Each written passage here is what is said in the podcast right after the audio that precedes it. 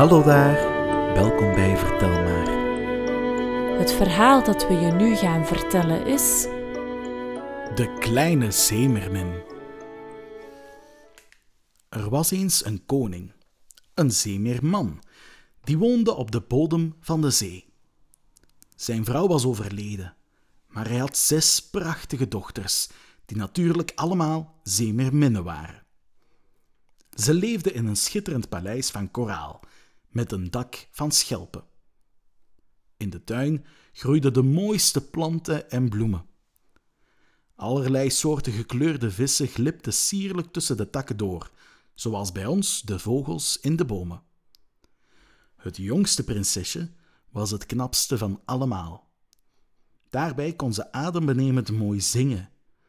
Ze had een eigen plekje in de tuin waar ze graag kwam. Het was een rond perk met alleen rode bloemen erin. Een tuin als de zon, want wat zou ze graag een keer de zonnestralen op haar huid voelen? En wat zou ze graag een keer de mensen ontmoeten en kijken naar de vogels in de lucht? In het midden van haar tuintje stond een marmeren beeld van een jonge man. Ze had het ooit uit een gezonken schip gehaald en keek er graag naar. Haar oma vertelde vaak over de wereld boven de zee en de kleine zeemermin kreeg geen genoeg van haar verhalen over de wolken, de bomen, de bergen en de mensen. Oh, wat verlangde ze ernaar om dat allemaal zelf eens te zien. Pas als een zeemermin 15 jaar is, zei oma. mag ze er een kijkje gaan nemen. Juist de kleine zeemermin moest het langste wachten van alle prinsessen. Maar uiteindelijk werd ook zij 15 jaar. Haar zusjes zwaaiden haar uit toen ze naar het oppervlak zwom. Eenmaal boven water zag ze nog net hoe mooi de zon de hemel rood kleurde voordat hij onderging in de kalme zee. Meeuwen scheerden laag over het water en er kwam een groot zeilschip voorbij gevaren. De kleine zeemermin zwom er naartoe en hoorde stemmen. Ze keek door een patrijspoort en zag voor het eerst echte mensen. Het was feest aan boord, want een jonge prins vierde zijn verjaardag. De gasten lachten en zongen. Kom, hef het glas en drink de wijn. Laten we alle vrolijk zijn. Leven de prins nog vele jaren. Morgen zullen we verder varen. Vanaf het moment dat ze de prins zag, was ze op slag verliefd. Hij leek sprekend op het marmeren beeld in haar tuin. De kleine zeemermin zwom met het schip mee en staarde vanuit het water naar de prins, die vrolijk met zijn vrienden over het dek danste. Plotseling begon het hard te waaien en donkere wolken pakten zich samen boven het schip. De golven werden steeds hoger. Het was gedaan met het feest. De mannen renden paniekerig op en neer en haalden de zeilen in. Het begon te stormen. Een hevig onweer barstte los en voor de zeemermin goed en wel in de gaten kreeg wat er aan de hand was, brak er een mast. Het schip werd daarna zo wild heen en weer geslingerd dat het uiteindelijk in tweeën brak. De zeemermin zag de prins in het water vallen en kopje ondergaan. Hij spartelde om boven te komen, maar de zee was te ruw. Ze bedacht zich geen moment en dook hem achterna. De kleine zeemermin hield het hoofd van de bewusteloze prins boven water en bracht hem zo snel mogelijk naar de kust. De zon kwam juist op toen ze de prins uitgeput op het strand van een rustige baai legde. Toen hoorde ze stemmen. Ze schrok. Niemand mocht haar zien met die vissenstaart. Ze gaf de prins, die nog steeds bewusteloos was, snel een kus en dook de zee weer in. Van achter een rots zag ze hoe een paar jonge vrouwen hem vonden op het strand en hoe hij even later wakker werd en voorzichtig met hem meeliep. Oh, wat was ze zelf graag met hem meegegaan. Ze had wel willen huilen, maar ja, dat kunnen zeemerminnen nu eenmaal niet. De weken daarna bracht ze treurend door in haar rode zonnetuin. Haar lieve oma zag het en vroeg wat er mis was. Ach, oma, ik wou dat ik benen had. zuchtte de kleine zeemermin. Dan zou ik kunnen lopen en rennen en dansen. Zo moet je niet denken. zei haar oma troostend. Als je een mens was, zou je onze mooie onderwaterwereld niet kennen. Bovendien leven mensen hooguit 100 jaar. Wij worden minstens 300 jaar oud. Ik zou al die dingen opgeven om één dag mens te mogen zijn. zei de kleine zeemermin. Ze bedacht een plannetje. S'nachts, toen iedereen sliep, glipte ze het paleis uit om een bezoek aan de zeeheks te brengen. Ze was altijd bang voor haar geweest, maar ze wist dat alleen de heks genoeg toverkracht had om van een zeemermin een mens te maken. De zeeheks woonde in een donker stukje van de zee waar het water troebel en vuil was. Er groeiden geen gekleurde bloemen en er zwommen geen sierlijke vissen rond. De kleine zeemermin moest eerst door een haag van zwarte, sliertige wezen zwemmen, voor ze oog in oog stond met de heks.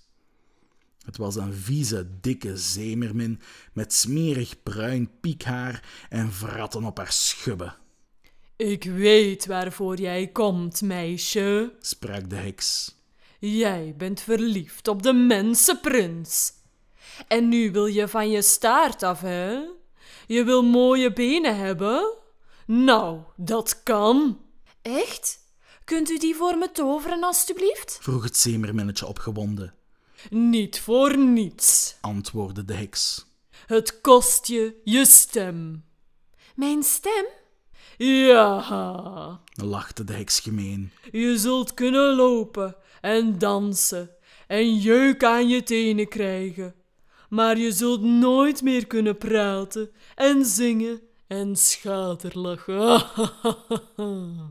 Maar hoe kan ik de prins dan vertellen dat ik van hem houd? vroeg de kleine zeemermin wanhopig, Dat doe je met je ogen. zei de heks.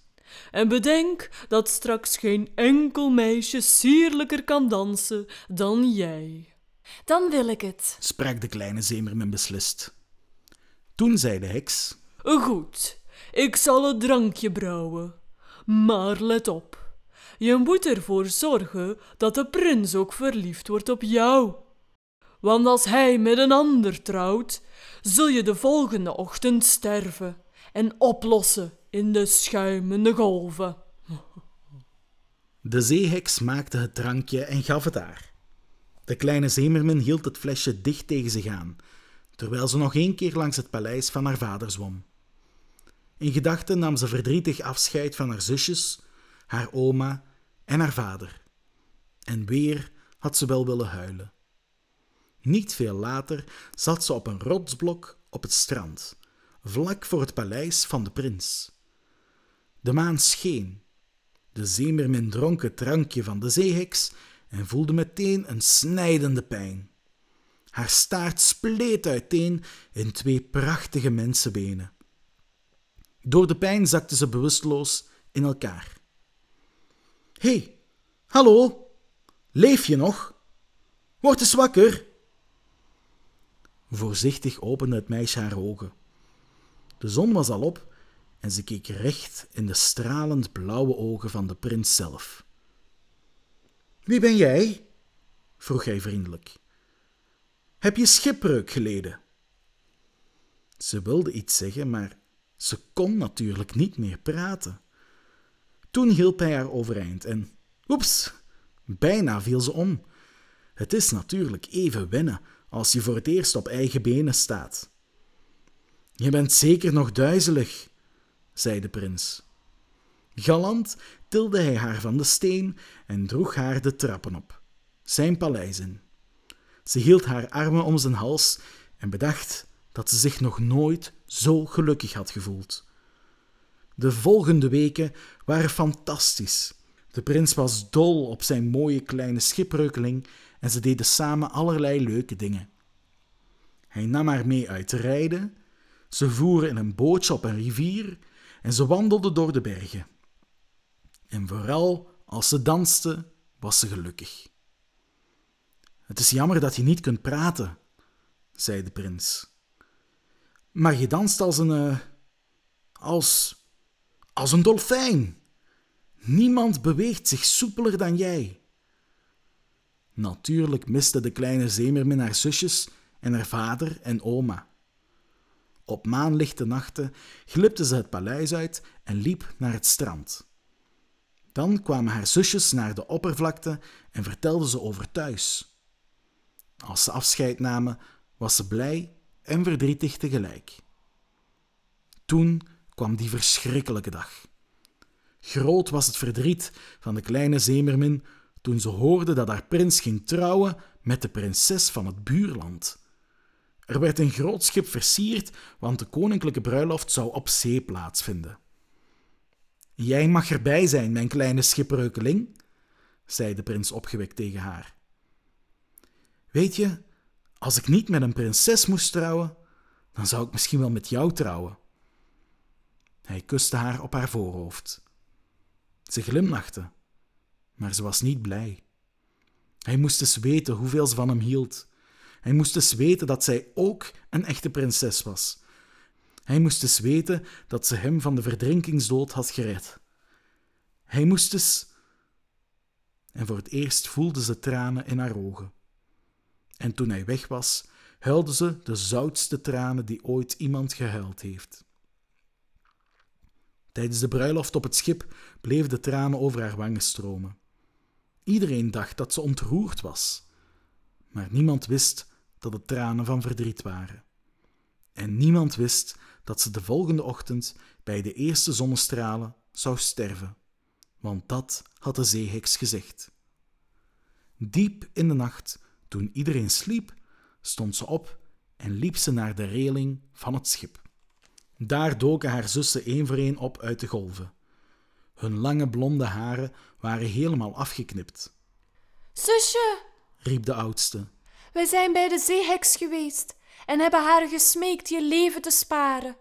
In ruil voor onze mooie lokken heeft zij ons deze dolk gegeven. Kijk eens hoe scherp. Een golf tilde haar op en de kleine zeemermin pakte het wapen aan. Ze keek haar zusjes vragend aan. Wat moest ze met die dolk? Je moet nu vlug handelen, heeft de heks ons verteld. zei de oudste zus. Voordat de zon opkomt, moet je met de dolk het hart van de prins doorboren. Dan zal onmiddellijk je vissenstaart weer aangroeien. Je kunt dan weer bij ons zijn en nog honderden jaren leven. Maar de kleine zeemermin schudde meteen haar hoofd. Nooit zou ze zoiets kunnen doen. En zeker niet bij de man van wie ze zoveel hield. Ze gooide de dolk in de golven en haar zussen zagen in het eerste ochtendlicht dat de tranen over haar wangen liepen. Ze begrepen opeens dat hun kleine zusje een echt mens geworden was. Een hoge golf kwam tot aan de reling van het schip en nam de kleine zeemermin mee. Als schuim op de golven zou ze nog duizenden jaar leven. En elke avond zou ze kunnen zien hoe de zon de hemel prachtig rood kleurt.